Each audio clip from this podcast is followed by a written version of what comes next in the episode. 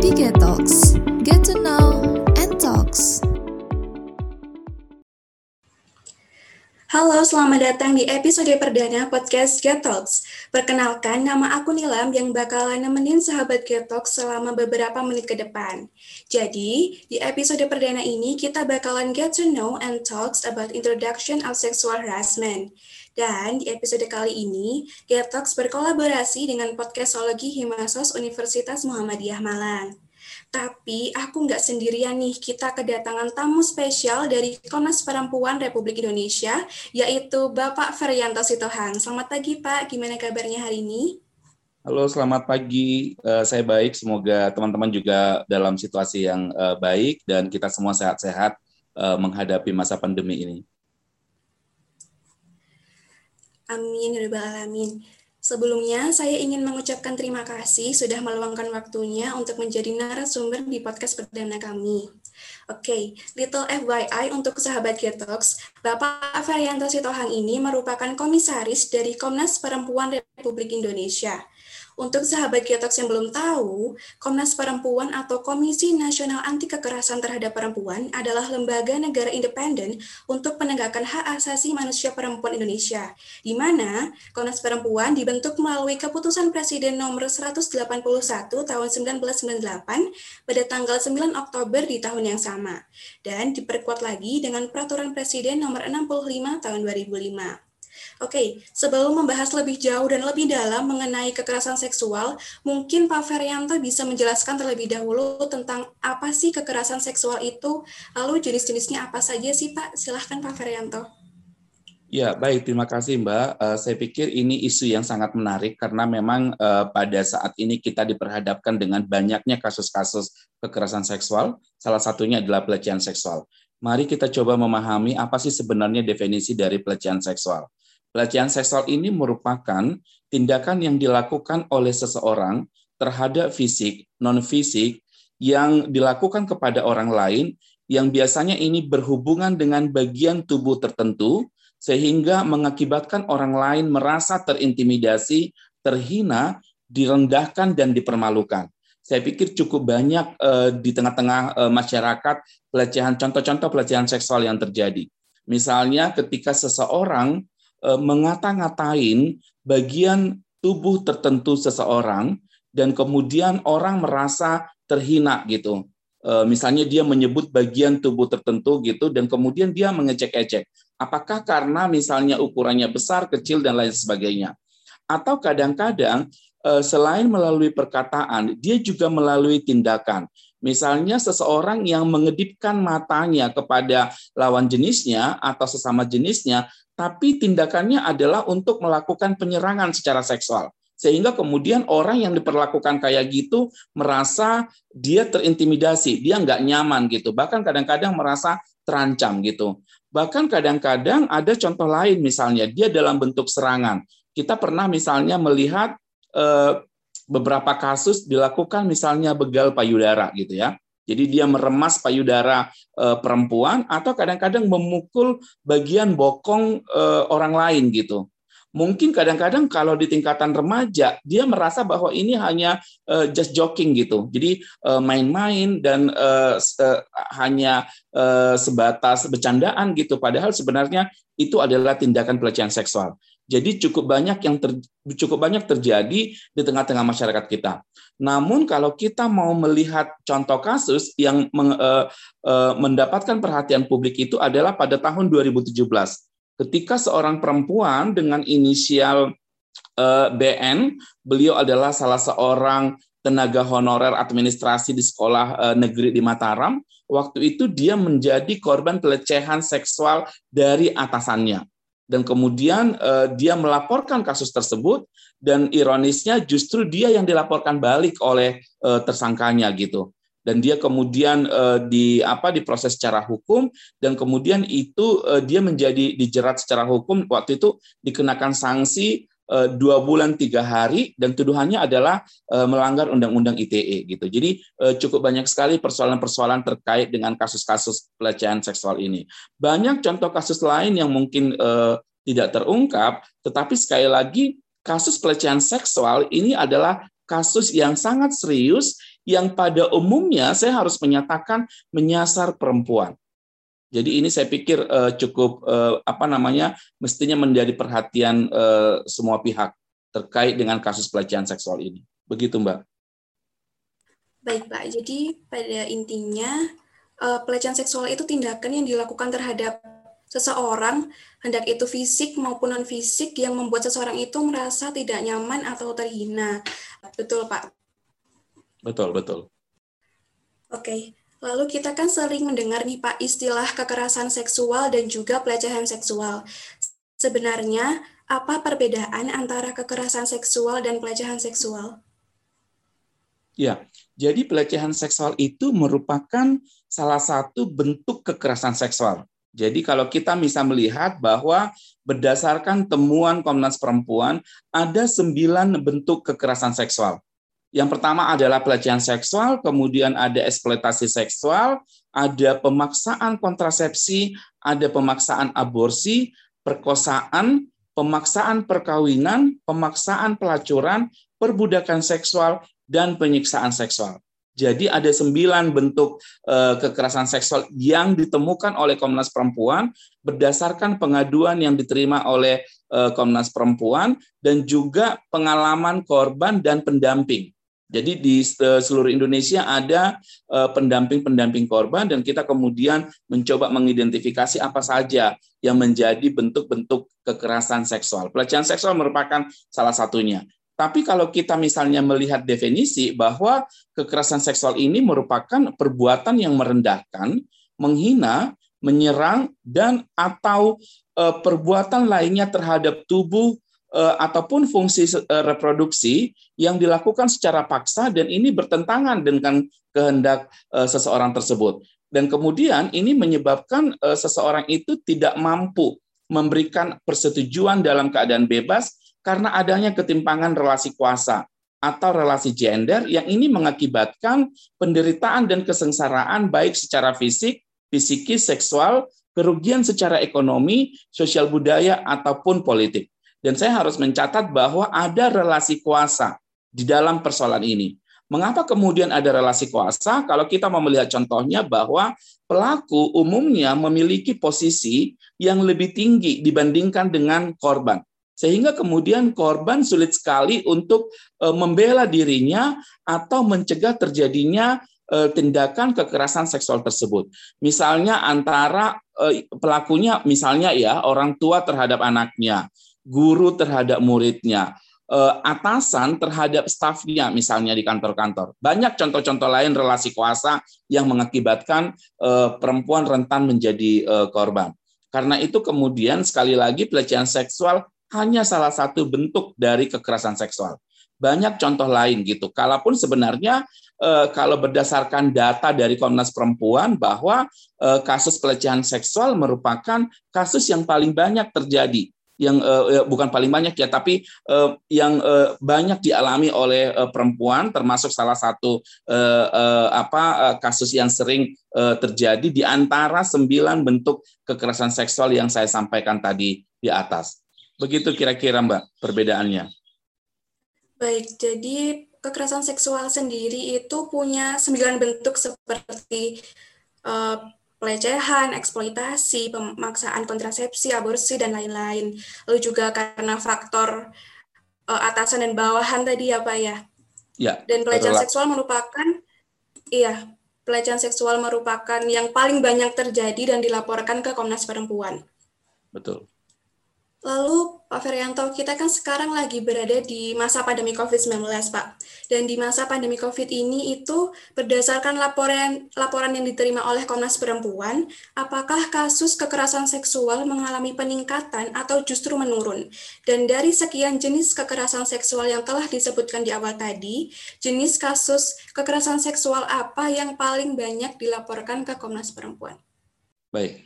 Uh Acuan saya adalah catatan tahunan Komnas Perempuan. Jadi setiap tahun Komnas Perempuan itu meluncurkan catatan tahunan. Catatan tahunan ini merupakan data-data kasus kekerasan terhadap perempuan yang berhasil dihimpun oleh eh, Komnas Perempuan melalui mitra-mitranya di seluruh Indonesia. Kalau pertanyaannya apakah kekerasan seksual eh, terhadap perempuan meningkat secara eh, apa signifikan di era pandemi ini, saya harus menyatakan secara de facto kasusnya adalah meningkat. Namun ada beberapa kendala sehingga kemudian tidak semua kemudian terekam kasusnya. Selama pandemi ini dimulai dengan pada awal tahun 2020 ya bahwa eh, korban eh, tidak banyak yang dia berani melaporkan kasusnya ke kepolisian, bahkan meminta pendampingan dari lembaga layanan. Mengapa? Karena kebijakan pemerintah kita yang membuat kita harus taat pada prokes atau protokol kesehatan, bahkan berdiam diri di rumah, ini menjadi salah satu tantangan sebenarnya. Perempuan-perempuan korban kekerasan enggan atau tidak memiliki eh, apa namanya kemampuan untuk melaporkan kasusnya.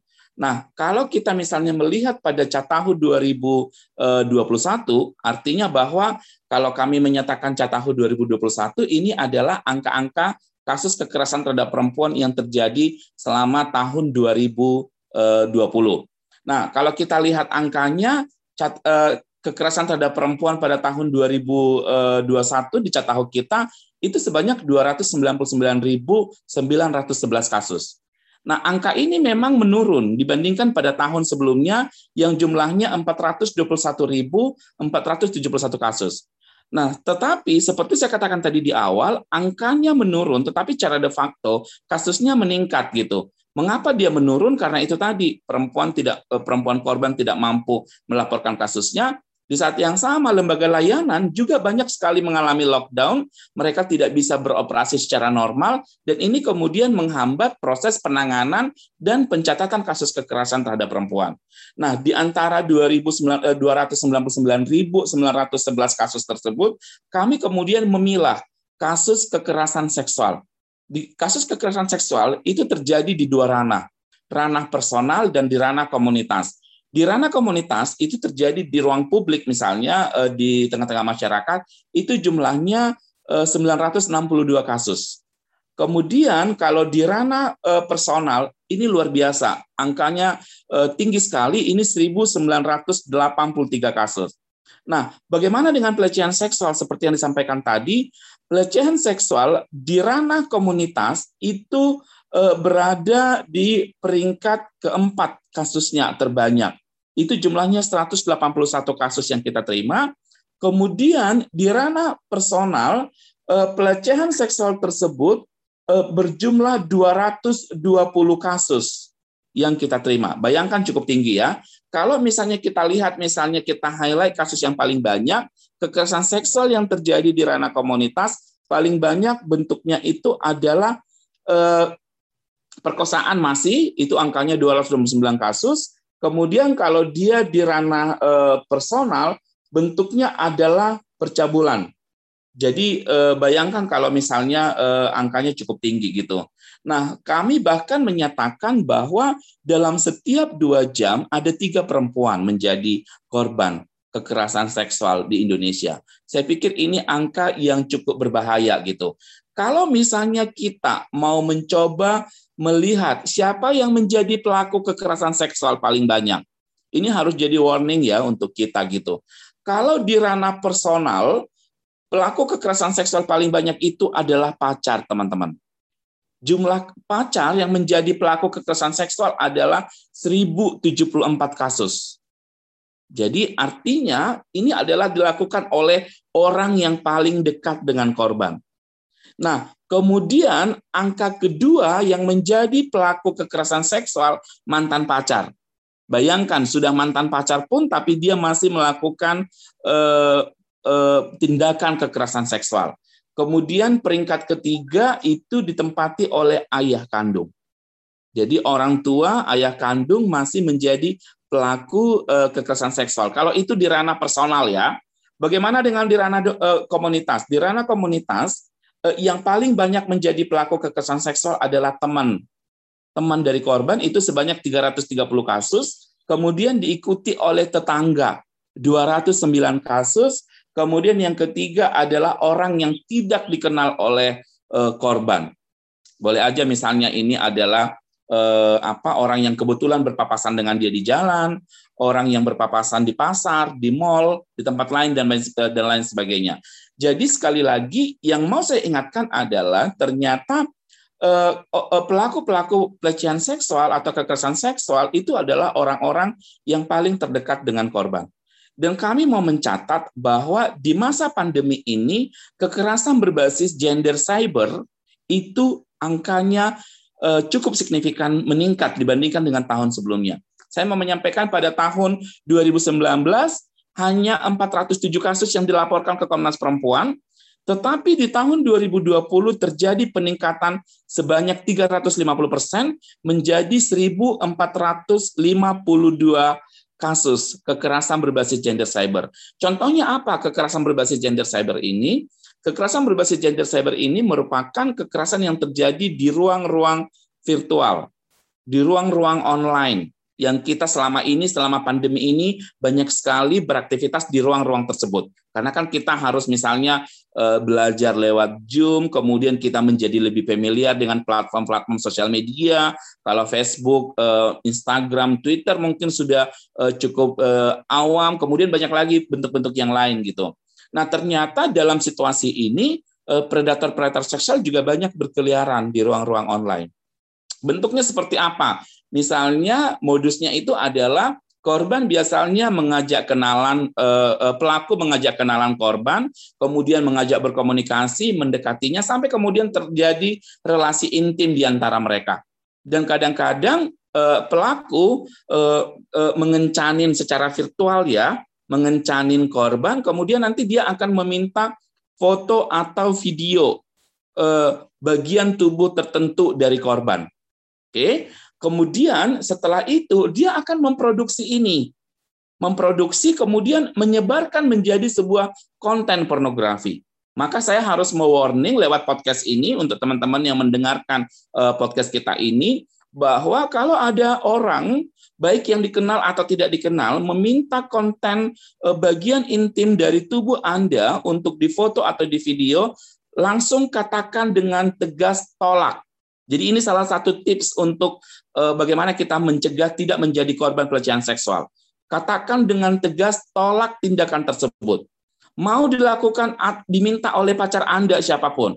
Karena dia berpotensi kalau bukan dia yang melakukannya, suatu waktu handphonenya misalnya hilang, jatuh ke tangan orang lain, itu bisa digunakan, disebarluaskan dan ini kemudian cukup banyak beredar di eh, link-link uh, yang terkait dengan pornografi. Tidak hanya di Indonesia, tetapi juga uh, di internasional. Jadi bahaya sekali dia.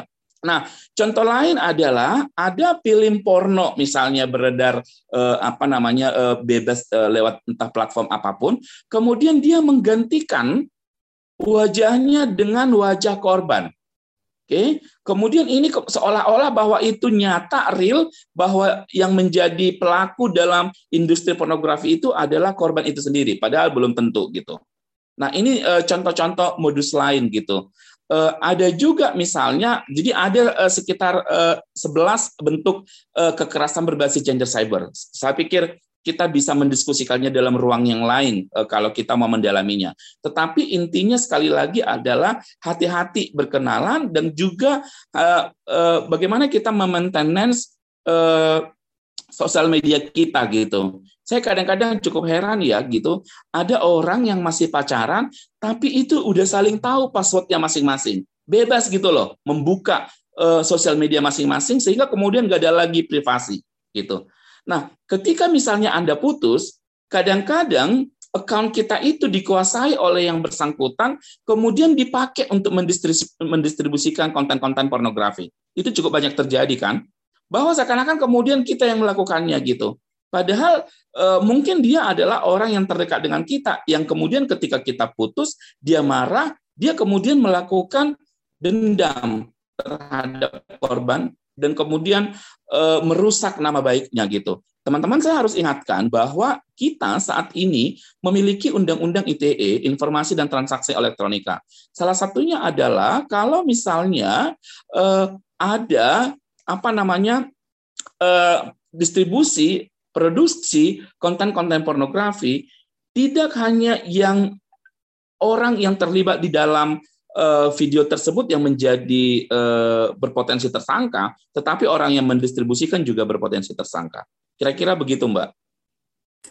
Oke, Pak. Jadi secara de facto sebenarnya kasusnya meningkat, tapi tidak semua terekam ya, Pak ya. Mulai dari tadi korban tidak banyak yang berani karena kebijakan pemerintah, lalu juga kasusnya menjadi 200 ribu lebih pada tahun 2021, dan setelah dipilah itu dipisah menjadi kerana personal dan juga komunitas, di mana komunitas itu biasanya bentuknya seperti pemerkosaan. Lalu juga saya sangat miris tadi melihat bahwa pelakunya dari ranah personal sebenarnya orang-orang terdekat seperti pacar, mantan pacar, ataupun ayah kandung gitu ya Pak ya. Lalu juga gender cybernya meningkat pada tahun 2019 sendiri hanya 407 kasus dan naik menjadi 1.400 152 seperti yang Bapak sebutkan tadi. Jadi sahabat Getox harus secara tegas ya menolak seperti kata Pak Varianto tadi, jangan takut untuk berkata tidak. Betul ya Pak ya? Betul. Karena uh, Pak dari pengalaman saya dan juga teman-teman saya sendiri itu banyak Pak yang sungkan atau tidak berani gitu untuk mengatakan tidak kepada pacarnya ataupun orang-orang yang uh, meminta bagian foto atau video dari tubuhnya. Lalu uh, menurut pendapat Bapak sendiri, apabila ada orang tua yang memberikan edukasi sejak dini terhadap anak tentang pelecehan seksual itu bagaimana Pak? Dan juga menurut Bapak, cara yang paling tepat untuk memberikan edukasi terhadap anak itu seperti apa? Ya, Eh, kami justru uh, memang menyarankan bahwa sejak dini kita sangat penting mendapatkan pendidikan kesehatan reproduksi dan seksualitas ya bahwa anak-anak itu perlu diberikan pengetahuan uh, bagaimana dia mengenali alat-alat reproduksinya juga seksualitasnya. Tujuannya adalah apa? Pertama untuk kesehatan, kemudian yang kedua uh, penting sekali khususnya untuk anak-anak ditekankan bahwa mana yang bisa uh, dilihat orang lain, mana yang tidak. Mana yang ketika dia disentuh orang lain itu bentuknya adalah pelecehan seksual. Saya pikir ini penting sehingga ketika misalnya dia mengalami uh, kasus pelecehan seksual, dia berani bereaksi menyatakan tidak. Dia kemudian berani melaporkan ke orang tuanya, ke orang uh, dewasa di sekitar dia bahwa dia korban. Sering sekali hambatan ketika menangani kasus ini adalah ketidakberanian korban untuk melaporkan kasusnya. Tidak hanya anak-anak, tetapi juga orang-orang dewasa gitu. Karena apa? Masyarakat kita masih menganggap bahwa kekerasan seksual ini adalah sesuatu yang menjadi aib untuk dia dan juga keluarga. Kekerasan seksual sesuatu hal yang mestinya uh, hal yang memalukan terjadi kadang-kadang ironisnya korban malah mengutuki dirinya sendiri. Padahal faktanya adalah pelaku adalah orang yang bertanggung jawab ketika kasus kekerasan seksual terjadi. Korban justru harusnya mendapatkan dukungan dan perlindungan. Nah, karena itu memang bagaimana caranya? Tentu beragam, tentu sangat penting disesuaikan dengan eh, anak ini atau usia anak eh, berapa gitu loh. Jadi eh, metode-metode untuk pendidikan seksualitas terhadap anak itu sangat beragam gitu bentuknya gitu. Metodenya juga sangat beragam disesuaikan dengan eh, apa namanya eh, usia dari anak tersebut. Tapi memang sangat penting bahwa ketika kita memberikan pengetahuan atau pendidikan seksualitas, kita dalam situasi yang nyaman. Jadi kita berhasil misalnya membongkar ruang tabu kemudian eh, menjaga atau eh, tidak berjarak satu dengan yang lainnya, artinya ada situasi yang nyaman terhadap anak-anak untuk dia menyampaikan seperti apa pengetahuan yang ingin dia dapatkan. Pun orang-orang dewasa yang menjelaskan pendidikan seksual tersebut memberikan dengan bahasa-bahasa yang mudah dimengerti. Nah, saya pikir ini menjadi penting untuk diperhatikan, termasuk sebenarnya adalah teman-teman remaja menuju dewasa seperti kalian yang masih mahasiswa. Saya sih tidak begitu yakin bahwa semua sudah uh, clear pengetahuannya tentang kesehatan reproduksi dan seksualitas. Sering sekali kemudian ketika kita menghadapi persoalan, kita bertanya kepada teman kita yang belum tentu pengetahuannya sama gitu atau valid gitu. Maka sebaiknya cari eh, apa eh, sebuah wadah yang bisa memberikan kita pengetahuan. Saya, saya, saya pikir sekarang banyak sekali kalian bisa googling di mana-mana ada tempat atau ruang konsultasi terkait dengan pendidikan kesehatan reproduksi dan seksualitas. Saya kembalikan kembali, Mbak. Oke baik, jadi mungkin untuk para orang tua yang mendengarkan podcast ini, Pak Varianto sendiri memang menyarankan untuk edukasi sejak dini tentang alat reproduksi dan seksualitas anak dan ditekankan mana yang bisa dilihat orang lain dan tidak, ataupun mana yang boleh disentuh dan mana yang tidak oleh orang lain. Lalu untuk metodenya sendiri bisa disesuaikan dengan usia anak, tapi harus diingat bahwa kita harus dalam situasi yang nyaman dengan anak untuk menyampaikan seperti apa pengetahuan yang ingin mereka dapat. Lalu untuk sahabat Geotox yang masih remaja, kita bisa mencari sebuah wadah yang bisa memberikan kita pengetahuan yang tentunya valid ya Pak Ferianto. Ya, betul. Oke, lalu Pak, banyak yang mengatakan bahwa uh, yang terpenting adalah pencegahan. Nah, apa yang bisa dilakukan sedari dini uh, untuk menghindari dan meminimalisir kekerasan seksual atau pelecehan seksual? Kalau misal tadi untuk orang tua, kalau dari remajanya sendiri seperti apa, Pak? Ya, apa yang bisa dilakukan? Yang pertama adalah pilih tempat bergaul pilih teman yang bisa benar-benar saling mendukung satu dengan yang lainnya gitu.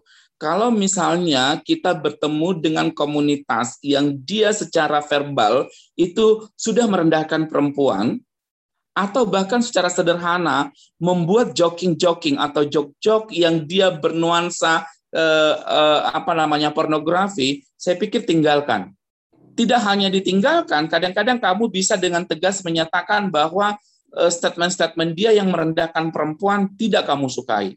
Kemudian yang kedua, kalau misalnya ada seseorang yang melakukan tindakan pelecehan seksual ke kamu dan kamu misalnya tidak suka, kamu dengan tegas menyatakan bahwa kamu menolak tindakan tersebut. Kalau situasimu terancam, misalnya kamu akan diserang dan segala macam, cari supporting system. Supporting system siapa? Teman-teman yang lain atau situasi yang sedang ramai sehingga kemudian pelaku tidak berani melakukan tindakan lebih jauh terhadap dirimu gitu. Nah, kemudian hal yang lain adalah kalau temanmu menjadi korban, kamu mendengar misalnya eh, seseorang melecehkan yang lainnya atau dia kemudian terancam, kamu memberi kamu menjadi uh, supporting untuk dia, kamu menjadi pendukung. Misalnya kamu akan teriak hentikan gitu-gitu. Atau misalnya kamu akan ya pura-pura video kah atau kamu video kan secara langsung itu akan membuat pelaku terancam dan dia kemudian akan e, menghindari atau tidak melakukan tindakan kejahatan itu gitu. Sekali lagi, biasanya pelaku melakukan tindakan kejahatannya selain karena relasi kuasa, dia juga memiliki potensi e, apa namanya untuk melakukan itu. Misalnya di stasiun kereta misalnya, di bus-bus. Itu kan sering sekali seseorang misalnya menggosok-gosokkan menggesek-gesekkan alat kelaminnya kepada bagian tubuh tertentu gitu. Kita kadang-kadang ketakutan gitu. Maka kita harus melawan rasa takut itu dengan berani untuk teriak gitu. Atau dekatin orang yang menurutmu bisa memberikan perlindungan. Apakah security, kepolisian, orang yang lebih dewasa atau uh, siapa pun gitu. Uh, perempuan lebih dewasa atau siapa pun yang menurutmu kamu merasa dia dapat memberikan dukungan. Saya pikir ini langkah yang sangat penting. Tapi yang paling penting adalah perspektif kita semua harus diubah. Baik laki-laki atau perempuan, jangan merendahkan seseorang, jangan menjadikan tubuh seseorang menjadi objek seksual. Saya pikir itu menjadi sangat penting. Baik laki-laki dan perempuan sangat penting untuk memahami itu. Karena ketika seseorang menjadi korban eh, kekerasan seksual, situasinya akan berubah dia akan mengalami trauma, depresi, bahkan kadang-kadang dia merasa hidupnya penuh keterancaman dan e, tidak berguna di masa yang akan datang. Karena itu memang kita sangat sangat penting untuk e, membantu mendukung perempuan korban kekerasan seksual. Baik Pak, jadi buat sahabat Getox, uh, saran dari Pak Ferianto yang pertama itu pilih teman yang bisa saling mendukung. Lalu kedua, kalau misalkan teman kalian menjadi korban, kalian bisa jadi support system. Kalau misal terjadi di depan kalian, mungkin kalian memvideo agar pelaku takut ataupun berteriak. Lalu yang ketiga, berani teriak kalau mengalami pelecehan seksual di tempat umum ataupun mendekat ke orang yang bisa membantu kamu. Nah, ini salah satu yang ditekankan juga oleh Pak Ferianto bahwa jangan jadikan orang lain sebagai objek pelecehan seksual karena memang efeknya sangat luar biasa ya Pak ya, ya. kepada korban itu sendiri. Ini pertanyaan terakhir Pak Ferianto. Pasti para pendengar Getok juga ada yang belum tahu nih. Mungkin bisa dijelaskan bagaimana sih tata cara pembuatan laporan ke Komnas Perempuan apabila mengalami kekerasan seksual dan bagaimana cara Komnas Perempuan memberikan perlindungan kepada para korban. Ya, terima kasih pertanyaannya. Kalau misalnya kamu menjadi korban eh, kekerasan terhadap perempuan, maka kamu bisa melaporkan kasusnya ke Komnas Perempuan. Kita membuka berbagai uh, layanan uh, atau metode untuk menerima pengaduan. Kamu bisa telepon langsung atau kamu juga bisa mengadu lewat uh, kanal uh, sosial media Komnas Perempuan. Nanti kamu silakan cari di uh, Instagram, di Facebook, Twitter, bahkan ada website Komnas Perempuan. Nah, di situ akan ada ruang untuk pengaduan. Kalian bisa mengisi form nya gitu. Eh, sebelum pandemi, kami sebenarnya membuka eh, kantor Komnas Perempuan untuk menerima pengaduan langsung, tetapi selama pandemi ini eh, kami menutup atau mengurangi pengaduan langsung sehingga kemudian membuka pengaduan secara online. Kalau kemudian kasus yang dilaporkan terhadap Komnas Perempuan diterima, apa yang bisa dilakukan? Biasanya kami akan mempelajari dokumen-dokumen yang dikirimkan. Secara khusus adalah kronologis, kemudian untuk uh, akan menganalisis uh, maunya korban apa. Kalau misalnya korban butuh pendamping, maka kami akan menghubungkan korban dengan lembaga layanan yang dikelola oleh pemerintah maupun masyarakat sipil yang ada di seluruh Indonesia yang paling dekat dengan domisili korban. Nah, kalau misalnya kasusnya sudah dilaporkan ke kepolisian, namun ternyata e, tidak maksimal ditanganin, kami akan mengeluarkan surat rekomendasi atau e, surat rujukan. Kami akan berkirim surat ke kepolisian supaya kemudian ke kepolisian e, membantu korban untuk menangani kasusnya. Kalau kasusnya misalnya sudah berjalan di pengadilan, maka kami juga akan menganalisis kebutuhan korban apa.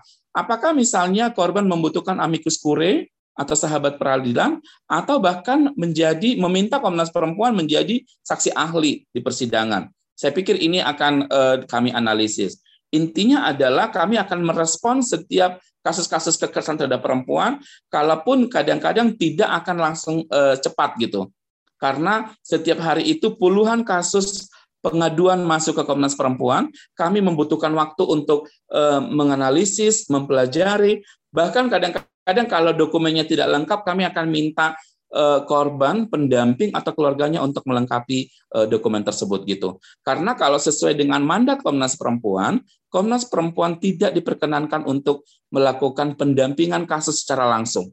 Tetapi kami akan memastikan situasi yang kondusif uh, pemenuhan hak asasi perempuan dan juga melakukan berbagai upaya untuk penghapusan segala bentuk kekerasan terhadap perempuan. Demikian Mbak yang bisa saya sampaikan.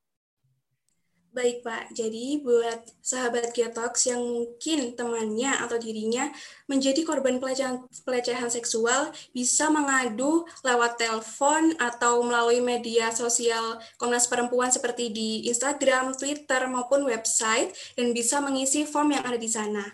Lalu kalau dari Komnas Perempuan sendiri, mereka akan melihat data, menganalisis keinginan korban, lalu mengetahui kebutuhan korban seperti apa. Jadi teman-teman nggak usah khawatir karena Komnas Perempuan akan merespon setiap kasus yang dilaporkan ke Komnas Perempuan. Betul ya Pak ya?